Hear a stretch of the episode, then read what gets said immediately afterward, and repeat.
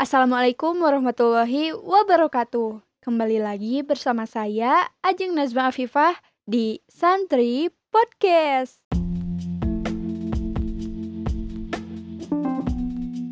Halo teman-teman, kembali lagi di Santri Podcast. Di episode kali ini kita akan sedikit membahas terlebih dahulu tentang kandungan Quran surat Al-Qiyamah. Jadi di dalam Al-Quran surah Al-Qiyamah ini ada beberapa kandungan yang terdapat di dalamnya. Yang pertama adalah tentang janji Allah yang menjanjikan pasti terjadinya hari kiamat yaitu hari di mana kehidupan dunia akan berakhir dan digantikan dengan kebangkitan manusia di hari setelah terjadinya hari kiamat. Yang kedua adalah tentang jaminan Allah terhadap ayat-ayat Al-Quran yang telah diwahyukan ke dalam nada Nabi Muhammad tidak akan membuat Nabi lupa tentang uh, urutan di dalam Al-Quran ataupun pembacaannya.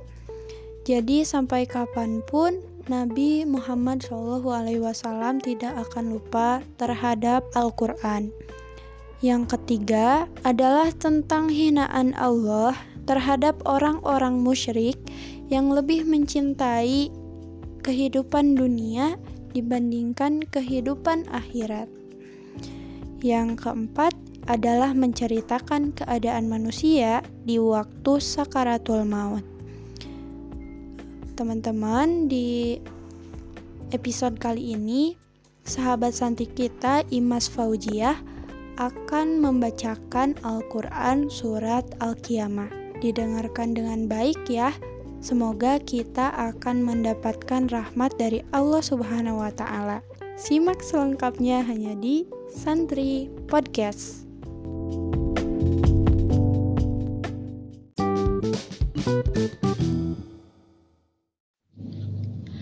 أعوذ بالله من الشيطان الرجيم. بسم الله الرحمن الرحيم. لا أقسم بيوم القيامة ولا أقسم بالنفس اللوامة.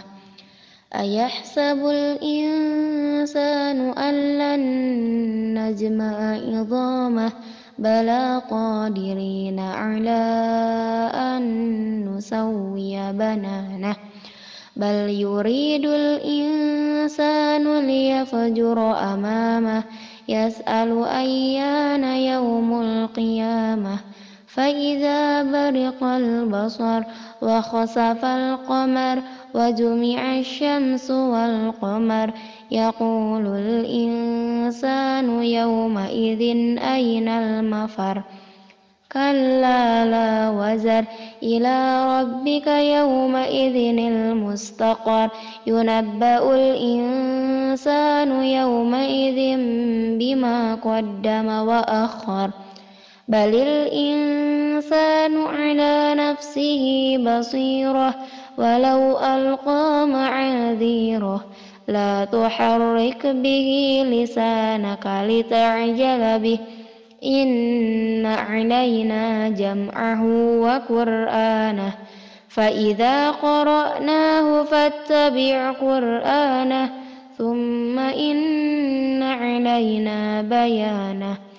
كلا بل تحبون العاجلة وتذرون الآخرة وجوه يومئذ ناذرة إلى ربها ناذرة ووجوه يومئذ باسرة تدن أن يفعل بها فاكرة كلا إذا بلغت التراقي وقيل من راق وظن أنه الفراق والتفت الساق بالساق إلى ربك يومئذ المساق فلا صدق ولا صلى ولكن كذب وتولى ثم ذهب إلى أهله يتمطى. أولى لك فأولى ثم أولى لك فأولى. أيحسب الإنسان أن يترك سدى؟ ألم يكن نطفة من مني؟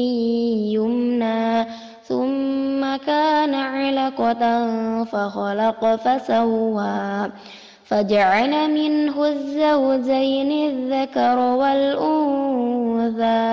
أليس ذلك بقادر على أن يحيي الموتى؟